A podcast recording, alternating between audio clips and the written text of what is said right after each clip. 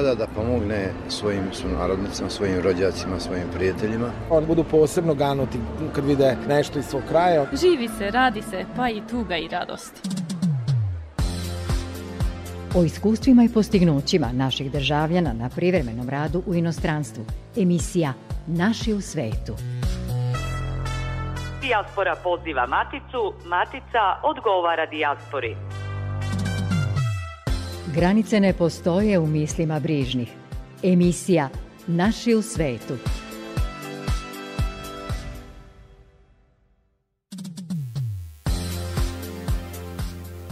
Dobroveče, poštovani slušaoci. U večerašnjoj emisiji čućete kako pokrajinska vlada pomaže renoviranje manastira u BiH koji okuplja pravoslavne vernike. Predstavljamo vam televiziju srpske dijaspore u Minhenu, a saznaćete i kako se našim zemljacima, ali i mađarima predstavio tamburaški orkestar radiotelevizije Vojvodine. Sa vama je za tonskim pultom Ivana Bogišić, a za mikrofonom Goran Pavlović.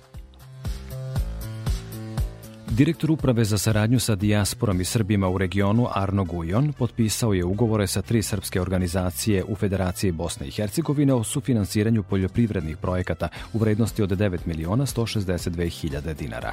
Gujon je rekao da je ideja o tome nastala posle njegove posete u aprilu krajevima u BiH gde su nastanjeni srpski povratnici, kada je video kako oni teško žive i sa koliko problema se susreću. Suština je u tome da im kroz ove projekte pomognemo da razviju samoodrživu poljoprivrednu poljoprivrednu proizvodnju, objasnio je Gujon na konferenciji za novinare u Beogradu. On je najavio da će uskoro obići Bosanski Petrovac, Posavinu i Grahovo na terenu da vidi kako se projekti odvijaju. Pokrajinska vlada pomoći će izgradnju i uređenje pirga Katarine Branković u manastiru Rmanj u eparhiji Bihaćko-Petrovačkoj koji se nalazi u Martin Brodu blizu Drvara. Ugovor o donaciji potpisali su predsednik pokrajinske vlade Igor Mirović i episkop Bihaćko-Petrovački Sergije. Da čujemo šta su nakon toga poručili. Mi smo odlučili da preko Fonda za saradnju sa Srbima u regionu pomognemo obnovu manastira Rmanj sa 3 miliona dinara i time doprinesemo i obnovi naše velike svetinje, ali i opstanku naroda u opštinama koje se nalaze na teritoriji ove naše eparhije. Ova pomoć sigurno da će da doprinese i ostanku i opstanku i samog manastira, ali i našeg naroda na tim prostorima. Obnavljamo pirg posvećen ktitoru manastira Katarini Branković. Nažalost u manastiru nemamo trenutno sad monaha, ja sam najčešće u manastiru, jer je manastir u 16. vijeku bio i sjedište mitropolije Dobrobosanske, tako da imamo vrlo bitnu istorijsku, da kažem, činjenicu da je tu manastir e, iz tog perioda. Naša dijaspora koja živi širom sveta rado prati medije koji ih informišu o zbivanjima u zemlji porekla, ali i o dešavanjima u zemlji u kojoj se nalaze na privremenom radu. Međutim, nema mnogo medija koji informišu srpsku dijasporu i druge ljude poreklom sa prostora nekadašnje Jugoslavije o događajima koji su direktno vezani za njihov status, za rešavanje njihovih problema i njihove integracije u sredini gde rade jedan od medija koji u rasejanju promoviše našu kulturu i tradiciju sa osvrtom na poreklo je i televizija srpske dijaspore sa sedištem u Minhenu koja postoji oko dve godine. O tom kako sebe nazivaju nezavisnom mediju razgovaram sa glavnim urednikom te televizije Radetom Radovanovićem. Dobrodošli u emisiju Naši u svetu Radio Novog Sada. Hvala vam na pozivu i pozdrav za vaše slušalce. Naše poznanstvo datira, gospodine Radovanoviću, od pre dve godine kada smo se kao učesnici medijske konferencije Dijaspore sreli u Beogradu, u Matici, dakle u sedištu Udruženja novinara Srbije. Već tada je kanal televizije Srpske dijaspore postojao i u određenom obimu emitovao programski sadržaj.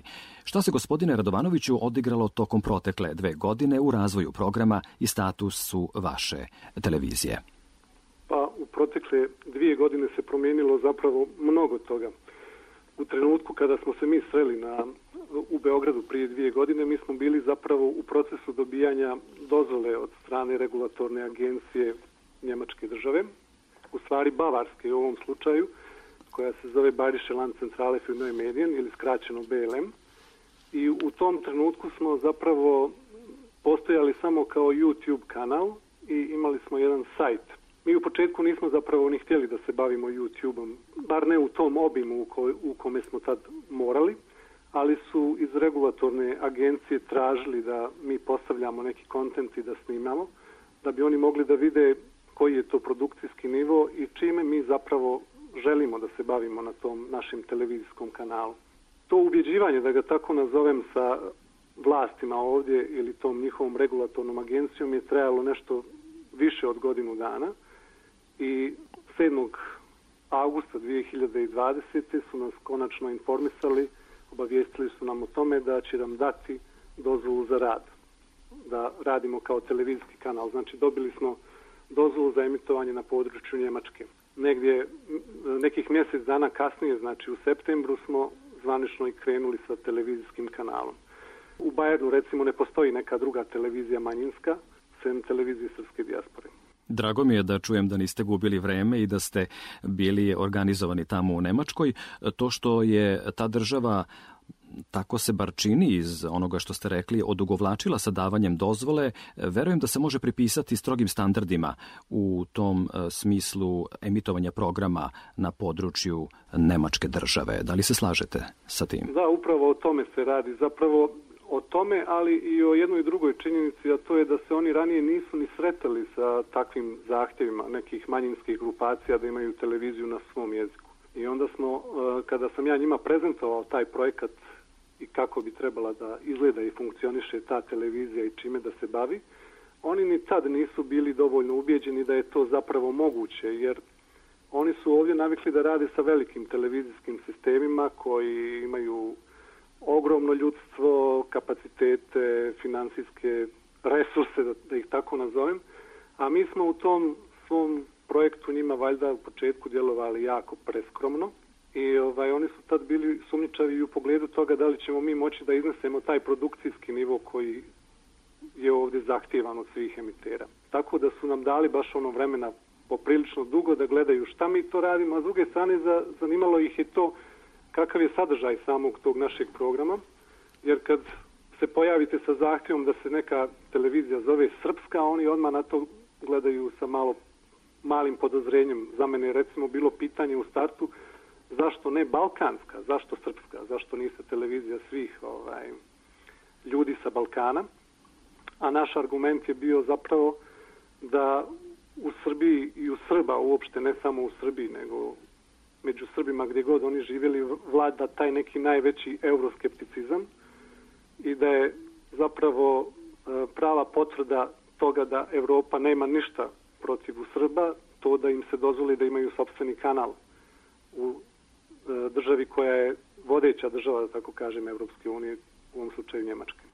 Gospodine Radovanoviću, koliko zaposlenih okupljate u televiziji Srpske dijaspore u Minhenu? Kako ste pronašli adekvatne kadrove za tako zahtevan medij kakva je televizija i to u rasejanju?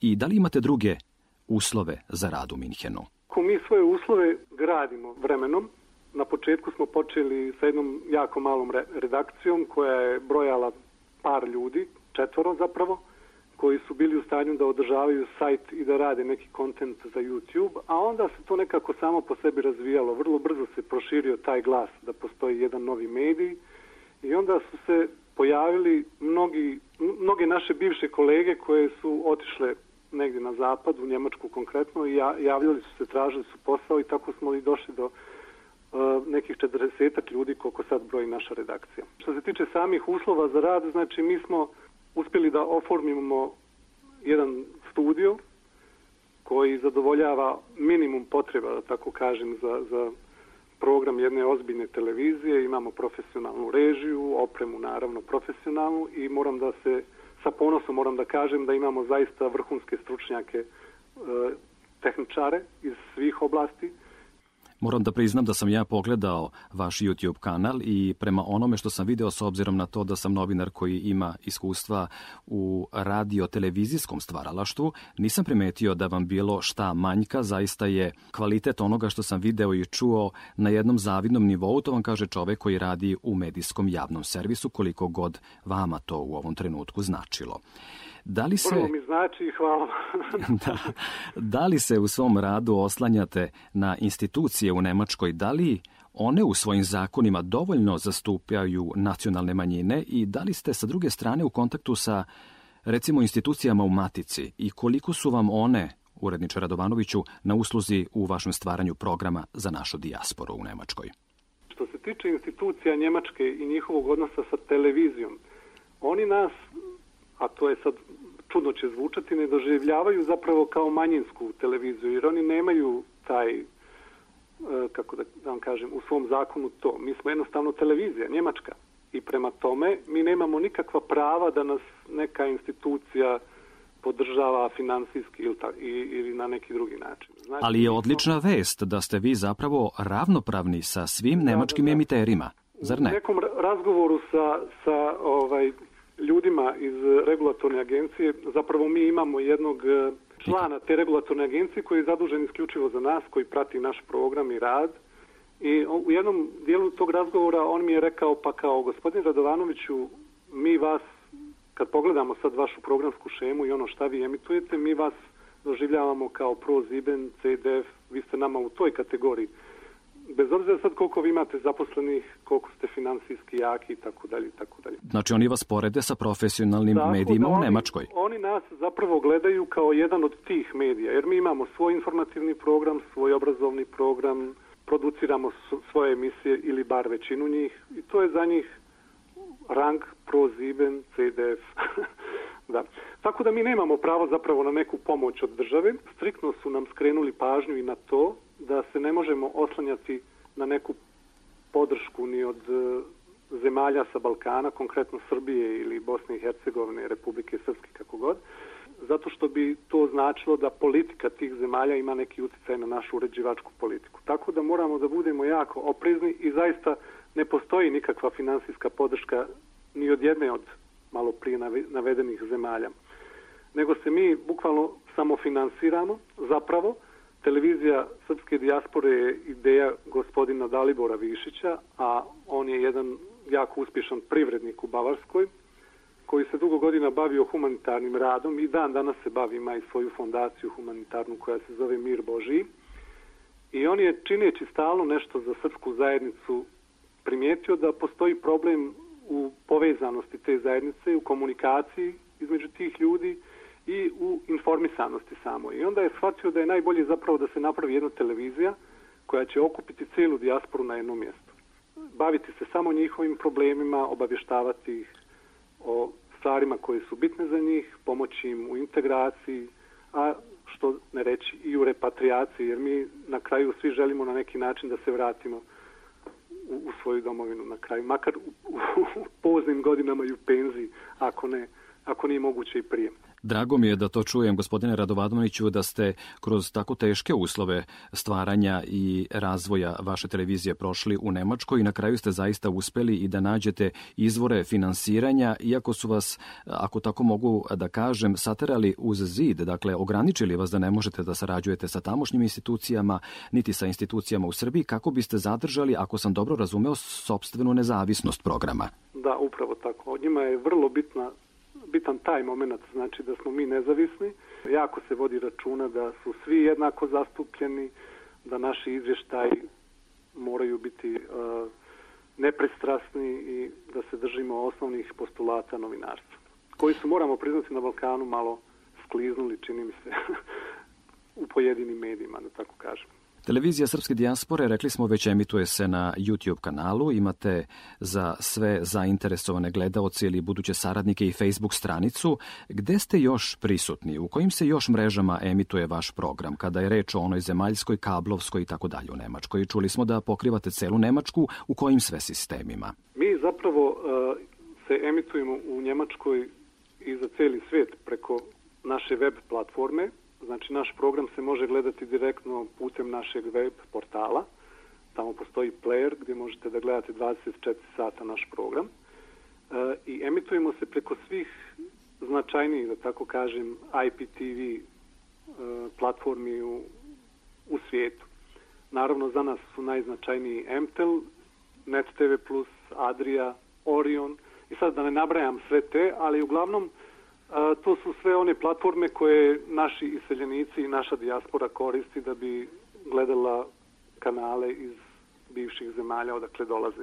A što se tiče konkretno Njemačke, e, u pregovorima smo trenutno sa Telekomom Njemačke i očekujem da će nas u narednim danima e, naša publika pronaći i na njihovoj platformi koja se zove Magenta. O tome kako je nastajala i kako se razvijala televizija srpske dijaspore sa sedištem u Minhenu, poštovani slušalci, razgovarat ćemo i u nastavku našeg programa. Ostanite uz nas.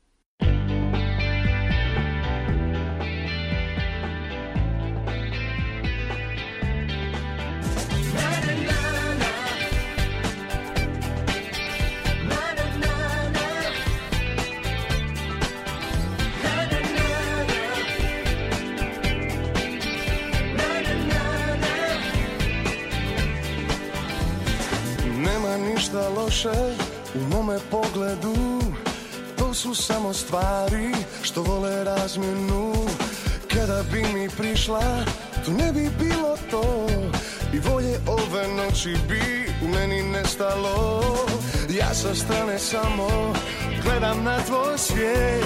Tebi treba neko ko igra na pamet. Sve, sve bi s tobom ja. Sve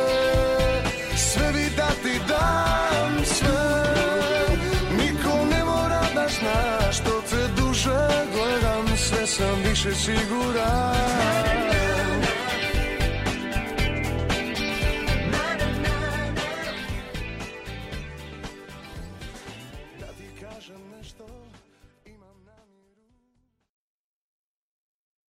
Vežu nas događaj, misli, kultura i tradicija – Emisija Naši u svetu. Nastavljamo razgovor sa glavnim urednikom televizije Srpske dijaspore u Minhenu Radetom Radovanovićem. Gospodine Radovanoviću, da li imate dopisničku mrežu i u kojim zemljama u rasejanju? Odakle ste u mogućnosti da recimo uživo uključujete reportere i imate li takvu mogućnost uopšte? Nažalost, mogućnost e, uključivanja uživo još uvijek nemamo. Prije svega zbog naših financija, da tako kažem, nismo, se, nismo još dostigli taj nivo, ali to po našem projektu i nije u planu u ovoj godini, nego ako Bog da tek u narednoj, kad ćemo ovaj uspjeti da obezbedimo tehničke mogućnosti za uključenje sa drugih kontinenta uživo. Imamo dopisničku mrežu, mrežu širom svijeta i zapravo to jeste cilj i svrha ove televizije da uvežemo sve naše ljude u dijaspori, tako da imamo svoju dopisničku mrežu u Australiji, u Americi, u Kanadi, u Švedskoj i Norveškoj i pokušavamo naravno da uvežemo e, i ostale zemlje evropske. Imamo dopisnike iz e, Pariza, iz Beča, iz svih većih gradova u Njemačkoj. Eto, to je u suštini to što za sad mogu da vam kažem i naravno konstantno radimo na širenju te mreže. I ovom prilikom, ako mi dozvoljavate, pozivam sve zainteresovane ljude, novinare koji su se zatekli negdje širom svijeta da nam se jave i da napravimo neku saradnju. Emisija Naši u svetu, Radio Novog Sada, rado širi mrežu saradnika svih medija koji informišu o dešavanjima na relaciji Matica Dijaspora i bilo bi nam veliko zadovoljstvo da tu saradnju zasnujemo i sa vašom televizijom srpske dijaspore u smislu razmene informativnih sadržaja kako bi naši slušalci, odnosno vaši gledalci, bili što bolje informisani. Kako vam se čini taj predlog, gospodine Radovanoviću? Mi zapravo maštamo o takvoj saradnji sve vrijeme i vrlo smo radi da sarađujemo sa vama naročito, pošto je vaša emisija ima već izgrađen status u, u našoj dijaspori i uvijek kad sam u korespondenciji, kad razgovaram sa nekim ljudima sa drugih kontinenta, oni kažu da, da, ali mi a, slušamo emisiju Naši u svijetu, televizije Vojvodine. Kao, imamo mi to, kao otkud sad i vi. ovaj, tako da nam je jako znači ta saradnja i pozivamo i druge medije naravno koji su zainteresovani, pošto smo mi tu na licu mjesta i vrlo rado ćemo da stavimo na raspolaganje našu dopisničku mrežu. Drago mi je da to čujem. Veliki je broj naših državljana koji rade u Nemačkoj. U Srbiji pa možemo reći svako poznaje ponekog ko je na privremenom radu u toj zemlji. Verujem da će naša saradnja biti dragocena i za naše slušaoce i gledaoce, a i za nas novinare koji udruženi možemo stvarati bolji i kvalitetniji program. Ono što je neizbežno pitanje, da li vas je epidemija omela u stvaranju programa u Nemačkoj i kako biste ocenili, kolega Radovanoviću, trenutnu epidemijsku situaciju u toj zemlji? Pitam vas to, dakle, kao kolegu novinara, znajući da ste u toku sa najznačajnijim okolnostima s tim u vezi. Pa korona je sve nas zaustavila u jednom trenutku, znači mi taman kad smo krenuli onako kako treba, kad smo počeli, kad se čuo glas o nama konkretno u Njemačkoj i kad smo mi počeli da posjećujemo razna udruženja srpska širom Njemačke, to nam je i do, donijelo zapravo najveću popularnost u tom trenutku, jer ljudi, kao što i sami znate, vole da gledaju sebe, da slušaju priče o sebi i zadovoljstvo im je da mogu da prikažu široj publici to čime se bave. A to je upravo bilo ono što smo mi radili na početku pred koronu i onda se desila korona i zaustavila nas je u mjesto, da tako kažem. Znači, onda smo morali da se povučemo u svoju redakciju i da radimo onoliko koliko smo mogli iz redakcije. Kao što znate, Njemci su jedan jako disciplinovan narod i ukoliko država donese neke mjere, oni se toga pridržavaju 100%, da tako kažem. Naravno, postoji neka mala manjina onih koji traže neka svoja prava i misle da su im ugrožena i bune se, ali to sve ostaje na tome, znači nema tu nikakvih, Bog zna, previranja, niti kršenja tih pravila, da tako kažem. Da, stvari su uređene i potpuno jasne. U toj zemlji ona je po tome poznata u celom svetu i drago mi je da ste to iz perspektive nekog ja, ko tamo živi i radi potvrdili. Ja vam sad ne mogu reći tačno koliko je trajao taj lockdown. U vrijeme trajanja lockdowna, znači ulice su zaista bile puste. Mi kao novinari smo naravno i druge profesije, neke druge profesije e, koji, koje su bitne za grad su mogli, da, ljudi koji rade u tim profesijama su mogli neometano da se kreću uz posebne potvrde koje su dobili. Te stvari su se promijenile na bolje tek prije izvjesnog vremena kada su uh, ovdašnje vlasti uvele takozvani 3G regel koji znači da ste ili vakcinisani ili da ste preležali unazad šest meseci koronu ili da imate važići test PCR ili taj neki brzi test koji postoji ovdje. I samo pod tim uslovima možete da uđete bilo gdje. Ono što je svakako evidentno jeste da sa koronom moramo da nastavimo da živimo i da radimo pod uslovima, nažalost, pod kojima ona nama to dozvoljava, ali mislim da ulazimo e, dobro sa sve više e, naučničkih i medicinskih dostignuća u tom smislu u dobru trku sa tom bolešću i da uspevamo da je prevazilazimo svakim danom sve više i više. Dakle, život i rad se nastavljaju i pored epidemijske situacije. S tim u vezi želim da vam postavim sledeće pitanje. Na sajtu televizije Srpske dijaspore mogu se videti informacije o tome da stalno radite na unapređenju kvaliteta svog programa, da unapređujete i znanje i veštine zaposlenih. Kako izgleda kada istovremeno, dakle kreirate program i radite na unapređenju veština zaposlenih, veći mediji su u tom smislu uhodani nekako, a kako vi to postižete kao relativno nova televizija? Znamo da se u Nemačkoj e, mnogo radi, da li je i to bio jedan od podstreka? U, suštini jedini odgovor koji vam mogu dati na to pitanje je nevjerovatan entuzijazam ljudi koji rade u ovoj televiziji nekako taj entuzijazam i okuplja se nas, svi ljudi koji su prepoznali potencijal ovog projekta, oni daju 120% svojih mogućnosti da se izrazim sad kao neki Dobro. sportski trener.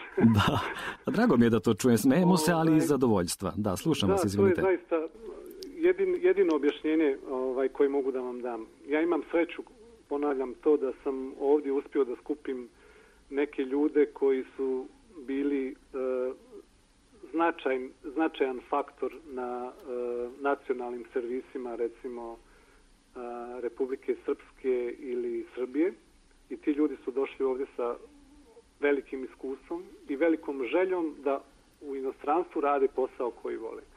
Vi sami znate, baveći se ovim poslom, da je to kad, kad steknete ljubav prema ovom poslu, vi u stvari ne želite nikad u životu nešto drugo da radite. Da. sad ti ljudi su došli u inostranstvo ili su im supruge dobile neke super ponude ili muževi, pa su se oni obreli u stranoj zemlji, ne želeći zapravo da rade ništa drugo do onoga čime su se cijeli život bavili. I onda kad se pojavila televizija srpske dijaspore kao prilika da se nastavi posao koji se voli, onda su oni stvarno ono iskoristili svu energiju koju imaju da, da uložili su svu energiju u taj projekat. Ovdje imam skup stvarno fantastičnih ljudi koji vuku nekako svojom energijom i ove koji, koji su novi u tom poslu i koji nisu baš toliko iskusni. Ono što svakako mogu da potvrdim iz ovog vašeg izlaganja jeste da kada jednom uđete na taj medijski put, to je prosto nezaustavljiv proces. Koliko ste u Nemačkoj u svom radu povezani sa našim udruženjima i društvima? Da li je vaša saradnja često i motiv da se stvara bolji i kvalitetniji program? Ima li te saradnje u dovoljnoj meri, uredniče Radovanoviću, tamo u Nemačkoj? Saradnja postoji, ali kako da vam kažem, ljudi su nekako iznenađeni postojanjem te televizije i na početku je ta informacija o televiziji koja je u dijaspori i bavi se dijasporom nekako prolazila mimo njih bez da su oni obraćali previše pažnje.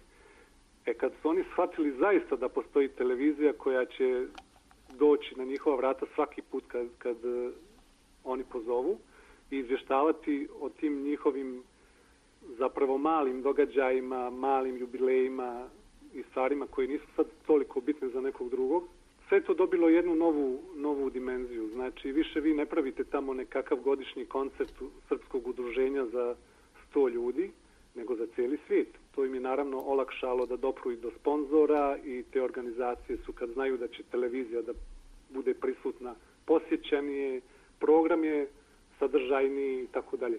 Tako da saradnja postoji, ljudi nas zovu sa svih strana, mi pokrivamo sve te događaje onoliko koliko možemo. Naš večerašnji razgovor je, verujem, i početak vaše saradnje sa još jednim medijem iz Srbije.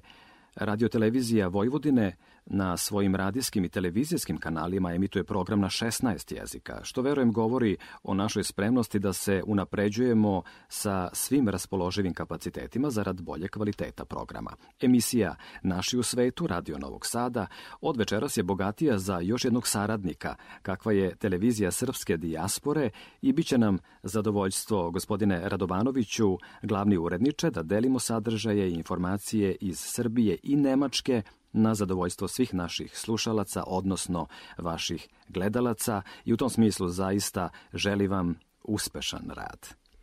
Naši u svetu su svakako, a ja sam se uvjerio u to u zadnjim, zadnjih mjeseci u komunikaciji sa ljudima širom svijeta je svakako brend i meni lično, a i nama kao televizije velika čast da na neki način učestvujemo u, svem, u svemu tome. Hvala vam na pozivu, vrlo rado ćemo sarađivati i još jednom ponavljam, to je velika čast za nas. I to što vi radite za našu zajednicu u svijetu je nešto neprocjenjivo. Hvala vam na lepim rečima, uzvratit ćemo. Sa nama je bio Rade Radovanović, glavni urednik televizije Srpske dijaspore u Minhenu. Emisija Naši u svetu.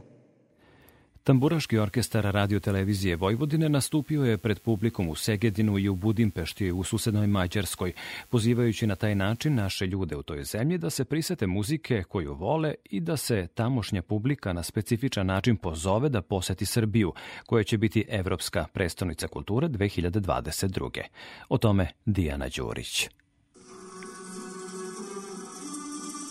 Svoju veliku popularnost veliki ansambl je stekao zahvaljujući programima radio televizije Vojvodine, mnogobrojnim koncertima kako u zemlji, tako i u inostranstvu, a sada je publika u Mađarskoj, u Segedinu i Budimpešti imala priliku da uživa u maestralnoj interpretaciji velikog tamburaškog orkestra radio televizije Vojvodine. Govori Bojan Trenkić, sekretar orkestra. E, velika je čast bila sinoć muzicirati u Segedinu, kao i večeras ovde u Budimpešti. Pogotovo me raduje što je naš program naišao na, mogu tako reći, ovacije, što se sigurno i, i ste se i uverili tokom koncerta, tako da nam je stvarno bilo zadovoljstvo.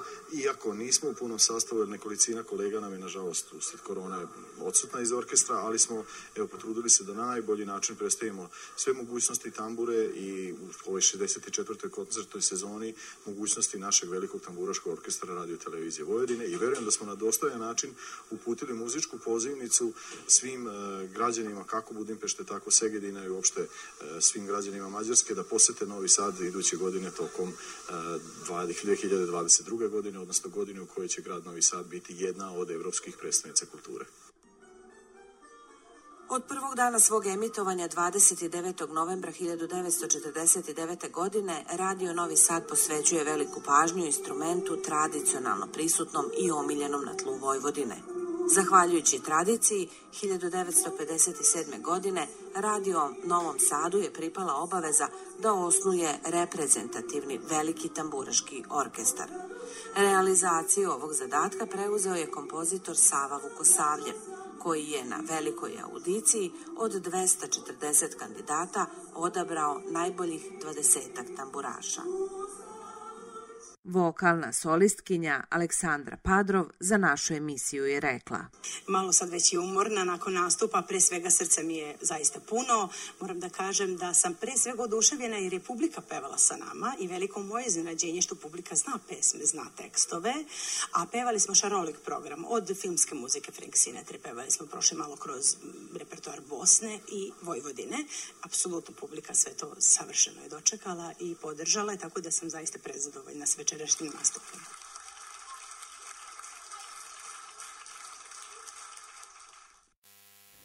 Hvala vam poštovani slušaoci što ste u proteklih pola sata pratili priče o uspesima sunarodnika po svetu. Budite sa nama i narednog petka od 19.05 za kada pripremamo nove zapise iz rasejanja. Prijatno veče.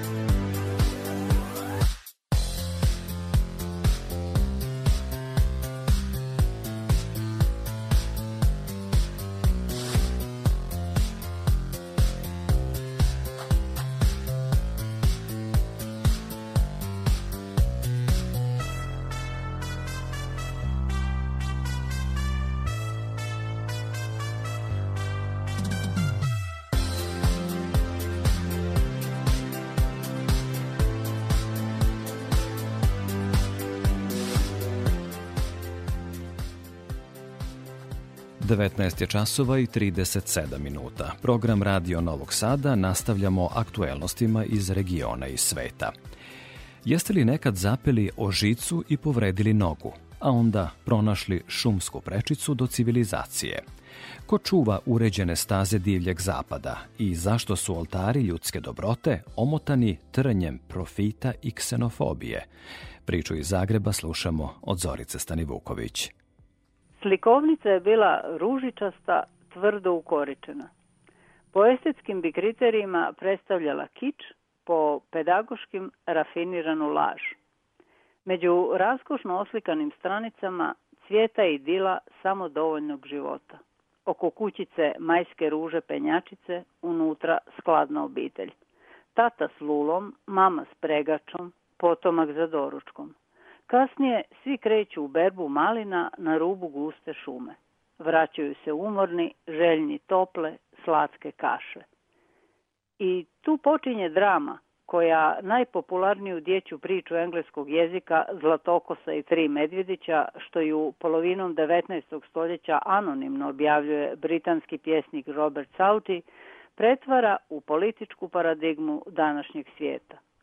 U odsustu domaćina nezvano dijete pravi nered. Gladno je i zagrabi malo rižine kaše iz dijelice patera familijasa, gorostasnog šumskog medvjeda. Prevruća je, pa za postavljenim stolom poseže u kašu brižne medvjeđe majke, ali ta je prehladna.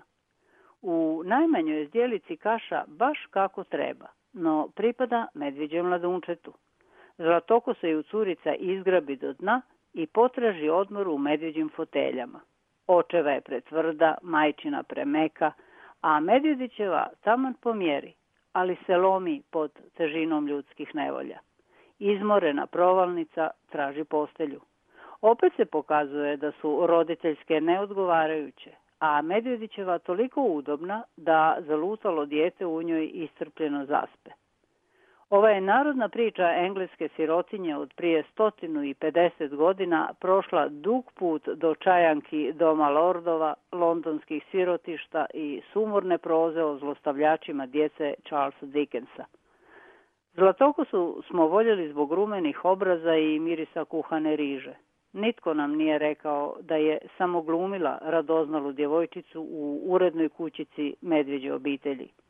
Pravu verziju svom je užasnutom nečaku Horasu Brooku 1831. godine ispričala britanska spisateljica Eleanor Muir. U njoj nije bilo nikakvih djevojčica, nego zle starice koja je provalila šumsku granicu i opljačkala mirnu medvjeđu obitelj.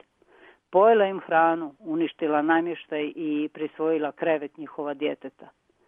Čuvari šumske granice pretukli su je teškim buzdovanima, proboli vilama i pribili otoranj znamenite katedrale Svetog Pavla u Londonu. Psihoanalitički komentatori ove priče spominju dijete zagušeno moralnim čistunstvom i brutalnim kažnjavanjem. Starici koja je takvo dijete nadrasla namijenjen je popravni dom, svojevrsna kuća preobražaja, u kojoj borave nedovoljno dobri da s nama dijele objed i ognjište. Medvjeđi su domaćini opisani kao dobrodušni, ljubazni, darežljivi, gotovo naivni u svojoj preuveličanoj dobroti. Ali je starica zato ružna, lukava, zla, izbuljenih očiju i obješenih usana, prljava krivonosa skitnica koja razara tuđe domove. Ne pripada našem svijetu našim običajima, kućnim molitvama, političkim i vjerskim uvjerenjima. Simbolizira stranca koji je toliko loš da za njega nema ni zdjelice, ni kašice, ni stoličice uz vatru. Ako stranac uđe u kuću, u njoj više ništa neće biti baš kako treba, kao u sobicama dražesne obitelji iz bajke. Stranac nije dobar, on je štetočina uređene kuće u kojoj ritmički odzvanjaju lončići i šalice.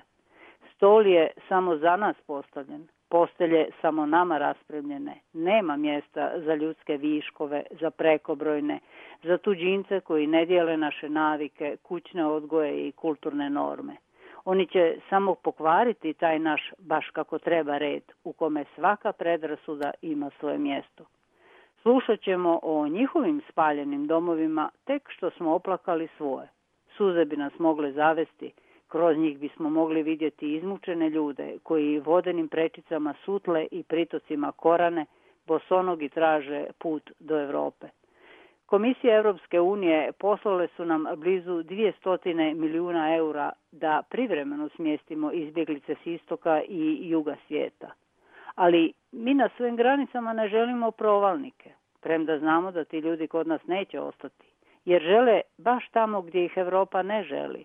Oni bi radili u Siemensima, Mercedesima, pogonima Volba, turbanđijski hlobi, a to je od milja, znate, čeka od Hamburga do Nordkapa.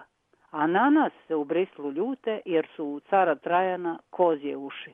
Pa se pročulo da smo preko crnih maski bijelo platno prebacili, pod njim palice sakrili i ljude pretukli.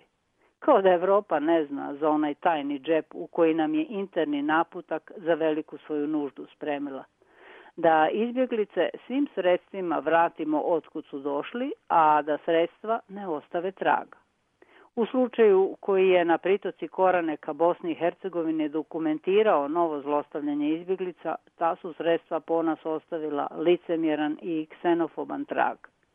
Priča o maskiranim nevaljancima iz istarske policije nalikuje priči o dječaku s Kalašnjikovim koji je svojedobno pucao Markovim trgom i skončao pod tragičnim okolnostima. Ali država bez jedne državotvorne suze i dalje traži mrtvog Daniela Bezuka. Da ga bez ičeg na javnoj obdukciji i za toliko godina huškanja opet proglasi izoliranim nevaljalcem i straha se riješi. Politička groteska bilježi da su žicu prije par godina proizvodili robijaši osuđeni za teške delikte bivšeg Pavlinskog samostana u Marijanostru na granici Mađarske i Slovačke. Potražnja je rasla, robijaška plaća premašila 500 eura, a kaznionica postala firma Nostra DOO. Najpoznatiji je proizvod nosi poetsko ime, Končertina 22. Slovenija je kupila 48 tisuća vezova. Makedonija je sa 10.000 kolutova koncertne žilet žice ukrasila stotinu kilometara granice s Grčkom.